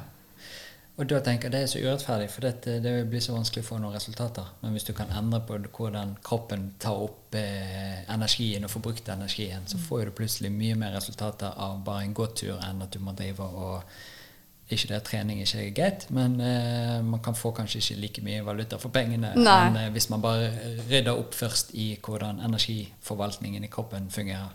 Absolutt. Og så har man regulering av eh, hormoner som stimulerer appetitten. Vi har det som kalles grelin, som er sulthetshormon, som sender signal til oss at vi trenger mat. Og så har vi leptin, som skal sende signal på at nå er jeg mett. Og har man en veldig høy produksjon av insulin i kroppen, så tukles dette veldig til. Ja. Mm. Og da har man kanskje en person som er kronisk sulten, ikke kjenner at den er mett, og så skal du be- denne personen spise mindre. Nei, Ja. den skal spise mindre, den skal spise annen sammensatt mat. Og da vil det gå seg til. Yes. Uten å telle kalorier. De kan være mette og ha det fantastisk bra, og til slutt komme i kontakt med med disse hormonene. Bli tilfredsstilt Ja. etter måltidet. Ja, for det er, det, det er viktig. For det er, altså, man kan klare å gå sulten en stund, men for det første er det forferdelig unødvendig, og det er ikke noe man orker i lengden. Ja. Og det er derfor man sprekker gang på gang. Og etter å ha vært liksom flink da, og gått sulten og telt kalorier i lang tid, så hiver man jo i seg. Ja. Uh, dette er så gøy, og klokken går, og det er veldig fint, det òg. Men eh, du, skal du skrive flere bøker? Ja, jeg har jo veldig lyst til det, da. Ja. det ga jo til tross for mye om faktisk en mersmak. Ja. Så, men jeg tenker kanskje jeg skal gi ut en ren uh, sukkerfri kokebok i neste omgang. For oppskrifter er noe mange ønsker, og det vil jo være relevant for mennesker med sukkeravhengighet, folk med diabetes, folk med epilepsi, og de er jo naturlig glutenfrie, folk med cøliaki. Alle som vil ha god, sunn mat Ja. som gjør godt og metter osv., er dette en perfekt bok for. ja. Nå nevnte du den deilige lasagnen din. Hva er Ja. andre favoritter som kunne kommet i en sånn bok? Jeg sa f.eks. tacosuppe. Oi, hva er det for noe? Mm, åh. Nei, så jeg lager jo, lager jo altså Dette kan du lage på flere måter, men jeg, jeg lager jo selv tacosuppe. Det nærmer seg lunsj nå. Jeg vil bare høre om.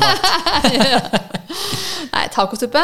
Man kan f.eks. lage det med kjøttdeig og krydre. Altså man lager, lager da hjemmelaget tacoblanding med seg, da. Fordi det er de taco... Hver gang vi ler høyt, så kommer han og tastene og Ja. det Ja det, ja det, Ja, da. Fin hund, da. Jo da, Nei, altså, altså det, det som er problemet med de der taco-krydderblandingene på butikken, de Ja. alle, altså Santa Maria, Tex-Mex og disse her, er at de inneholder 50% sukker. Ja. Så man kan lett google en oppskrift på sukkerfri eh, Altså man lager det selv. Bare, ja, det er jo bare vanlige krydder man setter sammen. Ja. Så jeg tar kjøttstykke kjøttdeig, tilsetter krydder, kanskje litt grann tomatpuré. Sånne, vet, sånne ferdig hakka tomater som er på sånn Boks. eh, ja, boks, ja. Ja. Har jeg oppi. Og så har jeg jo oppi litt eh, kraft. Oi. For Ja. du lager egen kraft, der, da? ja, jeg gjør mye det. Ja. Og så, eller hvis man får tak i en ok buljong. Eh, og så litt eh, vann. Og så tar jeg gjerne berike med litt kokosolje og en slunk med marismør oppi. ja. Sånn at det blir enda mer eh, tilfredsstillende og mettende. Eh, ja. Oh, ja, Og den her er sånn, sånn favoritt blant våre gjester. Ja. Elsker den suppa. Og så skal man ha chili og sånn oppi hvis man er glad i litt sterk mat. En ting som jeg tenkte på når vi snakket i sted, det er jo mange som endrer på kostholdet, og så føler de at de til bry når de kommer på besøk. Ja. Har du et råd der? ja, da må man, altså hvis man klarer å tenke det litt som en allergi. Ja. For du er jo ikke til bry hvis du har nøtteallergi og ikke spiser nøtter, eller om du er dødelig allergisk mot skalldyr. Du er ikke til bry. Eh, så man må, så dra, altså man må tenke at man skal ikke spise, altså det er ikke høflig å spise mat som man kan bli syk av. Nei. Nei? Og hvis du tenker at du går inn i en skobutikk Du tar jo ikke den skoen som står utstilt hvis den ikke passer deg. For ikke å være til bry. Nei. Nei. Kanskje trenger du en annen størrelse, en annen passform. Mens når det kommer til mat, så opplever vi ofte at vi er til bry enten på restauranter eller hjemme hos andre. Ja. Så det, vi må bare snu om på det tankesettet og tenke at hva, vi må jo spise mat som holder oss friske. Det er ikke, Ja. altså det, hvem kokk eller vert ville synes at det er ok å servere mat, deg mat du blir dårlig av? Hvis de kjenner til det. Så bare være ærlig på det. At det, dette er de behovene jeg har. Jeg tåler ikke det. Jeg blir oppblåst, slapp og promper mye. På Så nei hånd til hodet eller Ja.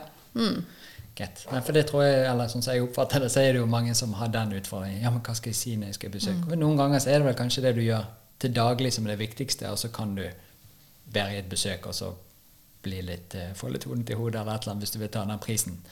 Eh, og så heller bare gå tilbake igjen. Men hvis du er på sukkeravhengighet, så har jo ikke du sjans. Nei, For det er jo kan du litt ikke. som å ha en alkoholisert venn og si ja, men drikk nå et glass vin. Mm. Det går greit. Nei, det gjør ikke det. For da er jeg ute hele natten og hoier. Og kanskje fem år fremover. Ja. Du veit ikke når, man stå, når eller hvis man klarer å stoppe igjen. Mm, så man har ikke den sjongleringsevnen, rett og slett. Så, men, så dette, er jo, dette er jo egentlig et stort tema. Eh, ja, Ja. Det er det. Det får bli en annen gang, det. Jeg, jeg tror det, for det, det blir en times leksjon. Så jeg får forklare hvordan man skal navigere det. Da kan jeg prøve en eller annen gang i fremtiden å luske deg inn igjen, og så kan vi ta en leksjon på det. Ja, ja, ja, gjør det. Det var jo veldig hyggelig. God kaffe og god te. Jeg likte te nå. Ja, veldig god. Kaffen Veldig god. er malt i Sveits. Jeg fikk den som presang fra en fra Sveits. Wow. Jeg vet ikke om det er, jeg er ikke så god på kaffe, men jeg liker effekten. men han er i hvert fall god på smak. Den var veldig god på smak. Er det noe annet du vil si før vi runder av? Altså Jeg må bare takke for at jeg fikk komme. Det var da veldig hyggelig. Og du er en god host. Stiller gode spørsmål. Takk. Ja, det må jeg få si. Så håper jeg at det har vært til inspirasjon og opplysning og nytte og litt, litt underholdning, kanskje. Ja. Vi har ledd, ledd litt òg. Ja, det er viktig, Ja. det. Eh, og så var det en ting jeg tenkte på. Det, det fine er jo at du har det screeningskjemaet ditt. Ja, Screening på norsk er vel eh, et eller annet. Men i hvert fall det er et skjema du kan fylle ut og så se om du i hvert fall er inne på noe eller ikke. ja, det er riktig. Og så kan du ta steget derfra og kontakte dere og få hjelp hvis det er det som skal til. Det er riktig. Altså, hvis man vil søke opplysninger, så det da, har vi sånn en hjemmeside som heter friskutensukker.no. Og så er vi også på Instagram og Facebook med Frisk uten sukker. Ja. Jeg har Sukkerpodden, og jeg har skrevet denne boken eh, 'Sukkeravhengig bli frisk uten sukker'. Så søker du på 'Frisk uten sukker', Bente Josefsen 'Sukkeravhengig', altså du finner boken. Da er det den, er på, all- den er, skal være i alle butikker, og alle nettbokhandlere i hvert fall. Nå dukket det opp mer. Vi må jo slutte å snakke før det bare dukker opp mer og mer. Men frisk uten sukker, det er den fus-gen du snakket om før deg?